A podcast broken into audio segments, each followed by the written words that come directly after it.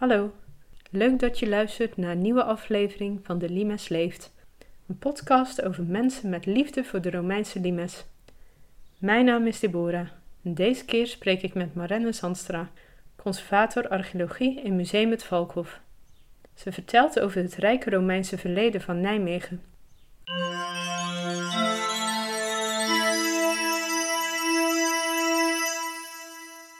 Nou, mijn naam is Marenne Zandstra. Ik uh, ben nu conservator archeologie in Museum het Valkhof. Dat mag ik zijn sinds september 2019.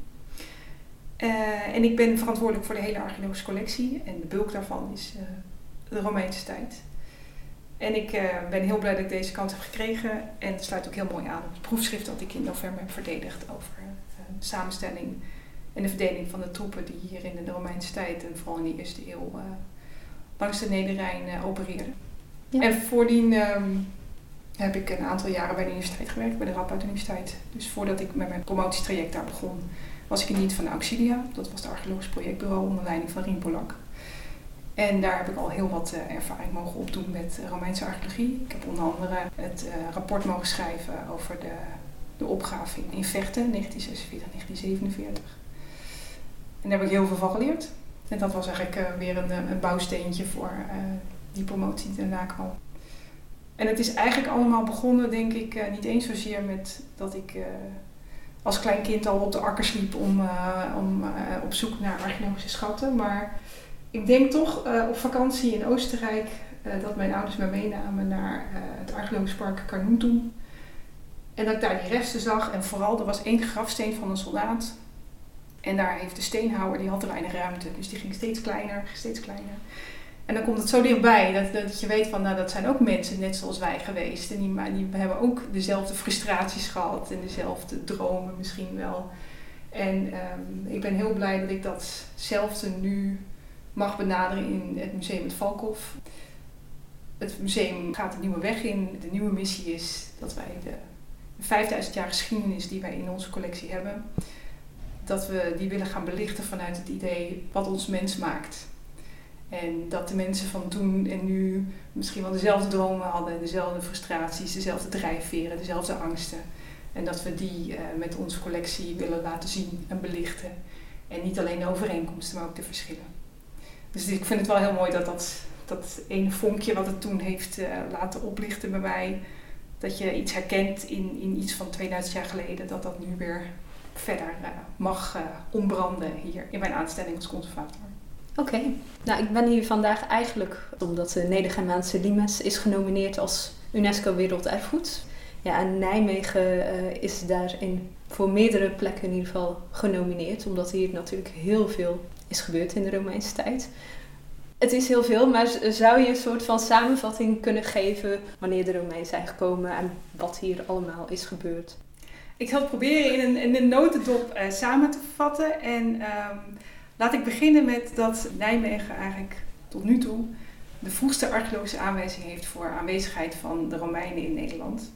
We weten allemaal uit de geschriften dat Caesar hier ook was en daar wordt ook driftig onderzoek naar gedaan. Uh, er zijn misschien ook wel aanwijzingen dat hij in Nederland uh, sporen heeft achtergelaten. Maar tot nu toe hebben we dus hier in Nijmegen aanwijzingen voor een serieus Romeins legerkamp op de Hunenberg in Nijmegen-Oost. Dat al in 19 voor Christus gebouwd is. En het is maar een paar jaar in gebruik geweest. Tussen 16 en 12 voor Christus is het weer verlaten. Maar het is een serieus legerkamp geweest van 42 eh, hectare groot. Dus dat is echt een enorme oppervlakte. Dan zitten we in de beginfase. Dan proberen de Romeinen nog Germanië te veroveren. De limes, zoals we die nu kennen, is dan nog niet vastgesteld. Dus de Rijn is dan nog niet waar het ophoudt. En we zitten dan nog echt nog in die, in die expansiefase, in die veroveringsfase. Zoals gezegd, uh, tegen 12 voor Christus is dat legerkamp verlaten, maar dan houdt het hier niet op met de Romeinse aanwezigheid, want dan rond die tijd wordt daar ietsje verder naar het oosten, op het Kopsplateau, een, uh, een soort commandopost gebouwd, waar ook allerlei troepen gelegerd waren. En vanuit daaruit was het een soort uh, zenuwcentrum voor de campagnes die dan nog gevoerd worden. We weten dat rond 41 dan stabiliseert het, dan wordt de Rijn echt wel de grens. Ehm, af en toe zullen er zeker nog wel Romeinse soldaten aan de noordkant geweest zijn, uh, op de Noordoever. Maar vanaf dat moment is de Rijn de grens. Maar die commandopost blijft daar en dat zal dan een soort centraal punt gebleven zijn. En tot 70 hebben we daar uh, een militaire bezetting. Dan hebben we die Bataafse opstand in, in, het jaar 69 uh, en uitlopend in het jaar 70. dan wordt er een, ingegrepen, er wordt een, een, legioen deze kant op gestuurd om te zorgen dat dat niet nog een keer gebeurt. En dat legioen dat wordt gevestigd weer op de Hunenberg, op de plek van dat eerdere grotere legerkamp. Alleen wel een iets kleiner legerkamp. Dus het is niet meer dan 42 hectare. Dat is het tiende legioen dat daar uh, zich vestigt en uh, pakweg 30 jaar ligt. In de tussentijd gebeurt er natuurlijk ook nog andere dingen. Het is niet alleen maar militairen, er wonen ook burgers. Terwijl er op het Kopsplateau een, uh, een militair legerkamp ligt, ligt er meer in het centrum van Nijmegen, op het Valkhof, niet ver van het museum, een burgerlijke nederzetting, Oppium Batavorum. En daar kennen we wel wat plattegronden van. We weten dat dat langgerekte huizen waren met een achtererf. We hebben ook best wel wat rijke vondsten uit die huizen. Dus het waren ook niet de minste mensen die daar woonden. Dus het lijkt erop dat dat misschien wel uh, afgezwaaide veteranen waren. Of misschien wel handelaren die dachten, nou hier kunnen we geld gaan verdienen. Want er ligt een aardige troepenmacht in de buurt. Dus op Oppidum heb je dan de civiele nederzetting. Uh, met waarschijnlijk ook wat bestuurlijke elementen. Misschien wel een soort marktpleintje. En daar heeft bijvoorbeeld ook de enorme godenpijler gestaan die wij hier in het museum hebben staan. Dat gaat echter in vlammen op in 70 na Christus, of 69, 70, die nederzetting. En de stad wordt opnieuw opgebouwd meer naar het westen. Die stad die kennen wij onder de naam Oppie en Noviomagus. En vanaf 70 wordt die opgebouwd dichter bij de rivier en ook lager gelegen. Daar kennen we helaas wat minder van uh, dan bijvoorbeeld van de legerplaatsen. Maar we hebben wel veel aanwijzingen dat er aardig wat uh, ambachtsactiviteiten waren. Uh, pottenbakken. We hebben ook slagersafval. En eigenlijk het best gekend is het tempelcomplex op Maasplein. Daarvan hebben we het meest opgegraven. En daar zijn ook vondsten van te zien in het museum. Die stad die blijft tot eind tweede eeuw. Dan zie je dat er wat oneenigheid is. Er zijn een aantal branden en dan loopt het terug. Uh, in die periode is het onrustig hier. Je krijgt invallen vanuit het noorden. En uh, op een gegeven moment wordt besloten om de stad op te geven. En dan trekken ze zich terug met de burgerlijke nederzetting en ook de militaire nederzetting op het Valkhof. Dus er wordt hier een stevige vesting gebouwd. En uh, tot het eind van de Limes zijn de Romeinen dan hier gevestigd op de Valkhofheuvel. Het legioenschap op Nieuwenberg was al veel eerder verlaten. Dat was in 1904. Want dan wordt het legioen naar het oosten gestuurd. Daar is het dan nodig. Hier is het rustig genoeg. Dus dat legioenskamp eh, wordt dan grotendeels verlaten. Er zijn daarna nog wat kleinere eenheden. Maar eh, die grote troepenmacht van 6000 man, die zien we dan niet meer. Dus zo schuift de Romeinse activiteit een beetje door Nijmegen heen. Maar je begint dus met al heel vroeg en tot in de late Romeinse tijd hebben Romeinen zich hier uh, bezig gehouden met uh, wonen en werken en leven en sterven.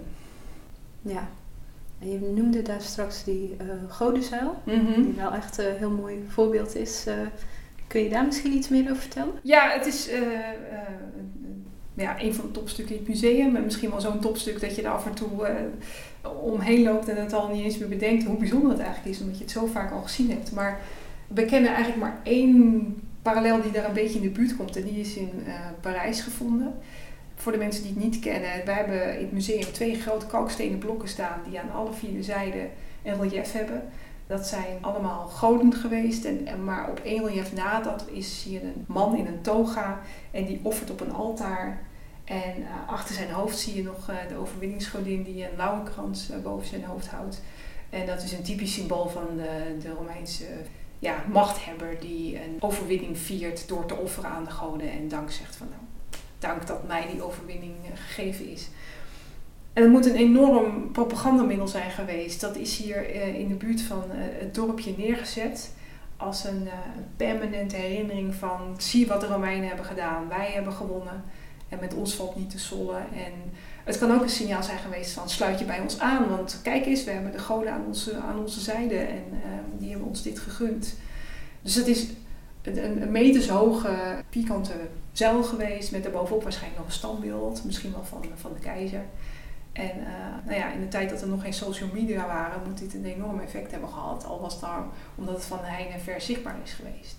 Dus het is, ja, het, we zouden zo graag nog die andere blokken vinden, want we hebben er maar twee. En er waren er meer, nog minstens twee erbij. En, en misschien liggen die nog ergens hier in de grond in Nijmegen, maar dat is dan voor latere generaties om te ontdekken.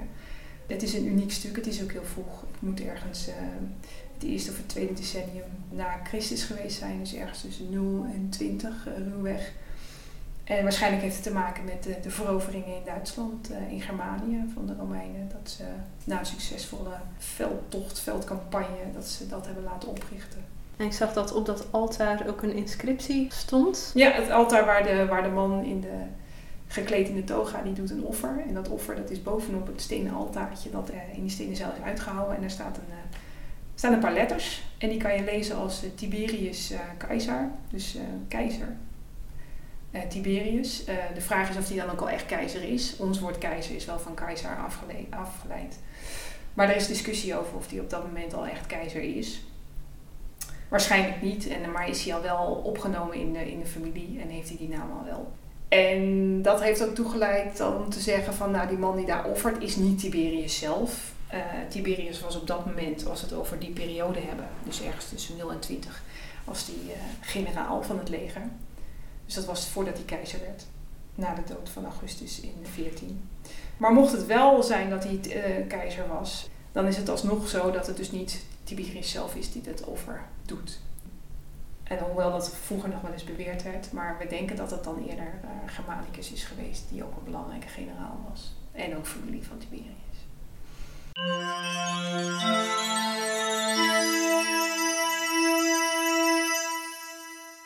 Nou, je, je, vertelt dat in uh, de westelijke stad dat daar weinig kan worden opgegraven, maar wat wel uh, bekend is zijn de tempels. Mm -hmm. Misschien kun je daar ja. iets over vertellen? Ja, zoals gezegd, uh, um, Nijmegen West herbergt de resten van Oepia Noviomerus. Helaas heeft de rivier daar aardig wat opgeruimd en zijn dingen verspoeld. Bovendien is er is moderne Nijmegen eroverheen gebouwd. Dus daar wil ook nog wel wat verdwenen zijn in al die jaren. Maar soms hebben we geluk en vinden we nog resten van de bebouwing van de Romeins Nijmegen. En de beter gekende stukken zijn dus de tempels op het Maasplein. Dat zijn, daar zijn twee tempels op gegraven en die zijn van het lokale type, van de, het type omgangstempel. Omgang betekent dat je er omheen kan lopen. En want de typisch klassieke Romeinse tempel die staat op een podium en dan heb je een trap aan de voorkant en dan loop je naar boven.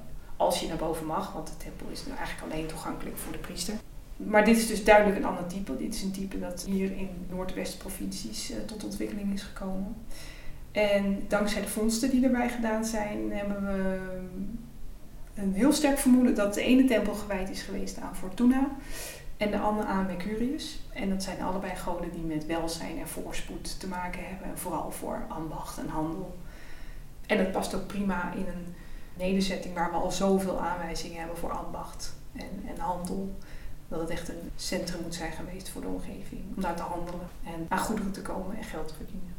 Ja, dat is misschien ook nog wel leuk, omdat dat in het museum ook wel mooi te zien is, dat er echt een paar ambachten zijn teruggevonden ook. Ja, ja we hebben aardig wat slachtafval.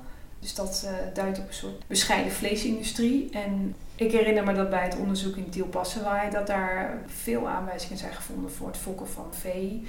En ik stel me zo voor dat die misschien wel op de hoef hier naartoe zijn gebracht om hier te worden verhandeld als, met Nijmegen als grootste plaats in deze regio. Uh, we hebben aanwijzingen voor pottenbakkers, ook bij het Maasplein in de buurt, niet ver van de tempels. Dus zal met de vleesindustrie ook waarschijnlijk wel uh, leerlooierijen uh, actief geweest zijn. Dus je mag verwachten dat er allerlei verschillende soorten ambachten in, in de stad actief zijn geweest en bedreven zijn geweest. En dat mooie godinnenbeeldje met zeg maar die mal, kwam ja. dat ook uit Nijmegen? Ja, komt ook uit Nijmegen. Ja, we hebben inderdaad een, een half fabrikaat van een, uh, een Luna-beeldje, uh, waar de gietnaden nog uh, aan vast zaten.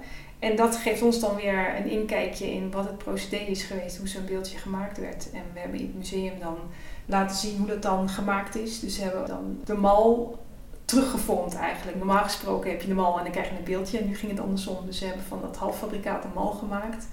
En zo konden ze opnieuw een beeldje gieten, maar dan zonder de gietnaden. En dan zie je pas hoe mooi zo'n beeldje was als het net uit de vorm kwam.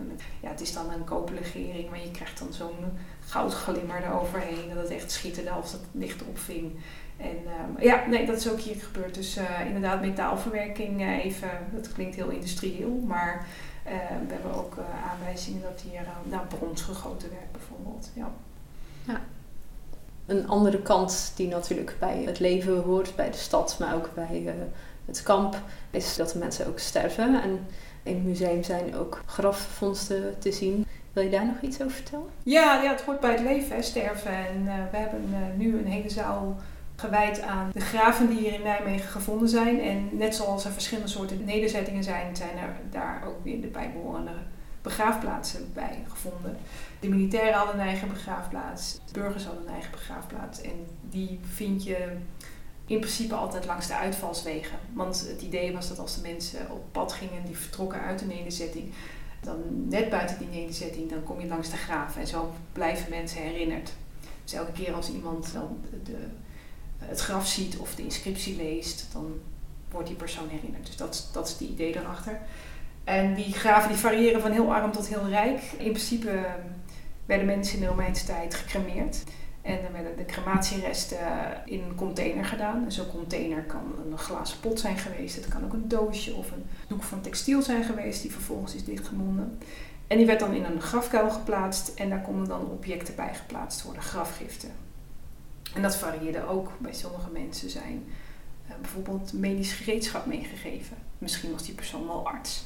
Bij anderen is er een compleet servies meegegeven. En zelfs een van de rijkste graven die we hebben, is niet alleen een compleet servies van aardewerk, maar ook van uh, allemaal glazen flessen, badgerij, uh, handwasgerij, schrijfgerij en zelfs nog wapens.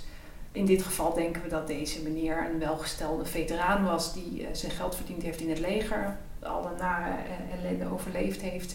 En uiteindelijk in Nijmegen West, in de Romeinse stad, is gestorven. En daarbuiten is begraven in een van de rijkere grafcomplexen die, daar zijn opgegraven. En je ziet een hele variatie en eh, misschien is het ook wel interessant om te bedenken dat dat misschien niet betekent dat iemand heel rijk was, maar dat het een keuze was. Het kan ook zijn dat iemand, en dat zie je vooral later in, eh, als het christendom in opkomt, zie je dat de grafcomplexen armer worden. Misschien heeft dat ook te maken met, ja, je wereldse bezittingen zijn niet zo belangrijk. Dus het is ook wel uh, interessant om in het achterhoofd te houden van, ja, wat betekent het als er heel veel grafgiften in zaten of heel weinig? Is iemand met weinig grafgiften per se arm? Of zit daar een ander beeld achter over het hiernamaals wat je nodig hebt of niet? Ja. En ik kan me zo voorstellen, bij die graven, zeker bij de rijkere graven, had je dus inderdaad grafstenen is daar ook aan te zien waar dus de mensen vandaan kwamen. Ja, we hebben het geluk in Nijmegen dat we een aantal grafstenen hebben die voor soldaten van het 10e legioen zijn opgericht. En dat daarin uh, ook hun plaatsen van herkomst zijn vermeld.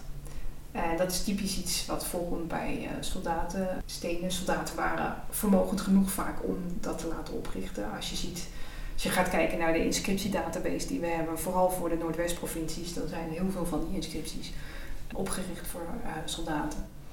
Maar juist bij uh, die soldaten dus van het 10 legioen hebben we een aantal geboorteplaatsen. Um, en dan zie je dat ze vooral nog afkomstig waren uit Spanje, dus van het Iberisch uit Zuid-Frankrijk en, en Noord-Italië.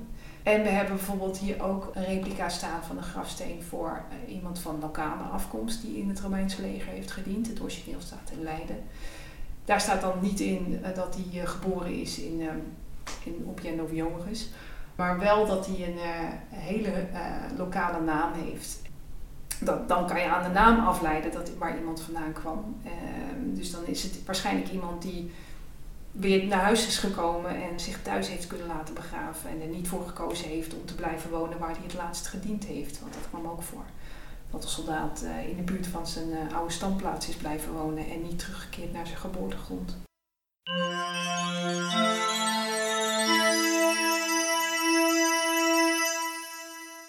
Helaas is het aantal grafstenen met inscripties in Nijmegen beperkt, maar er zijn genoeg andere bronnen die een indicatie kunnen geven waar de soldaten vandaan kwamen. In deel 2 van deze aflevering vertelt Marenne over drie verschillende bronnen die ze voor haar proefschrift Miles Away from Home heeft onderzocht. Ben je benieuwd naar haar bevindingen? Luister dan volgende keer weer naar een nieuwe aflevering van De Limes Leeft.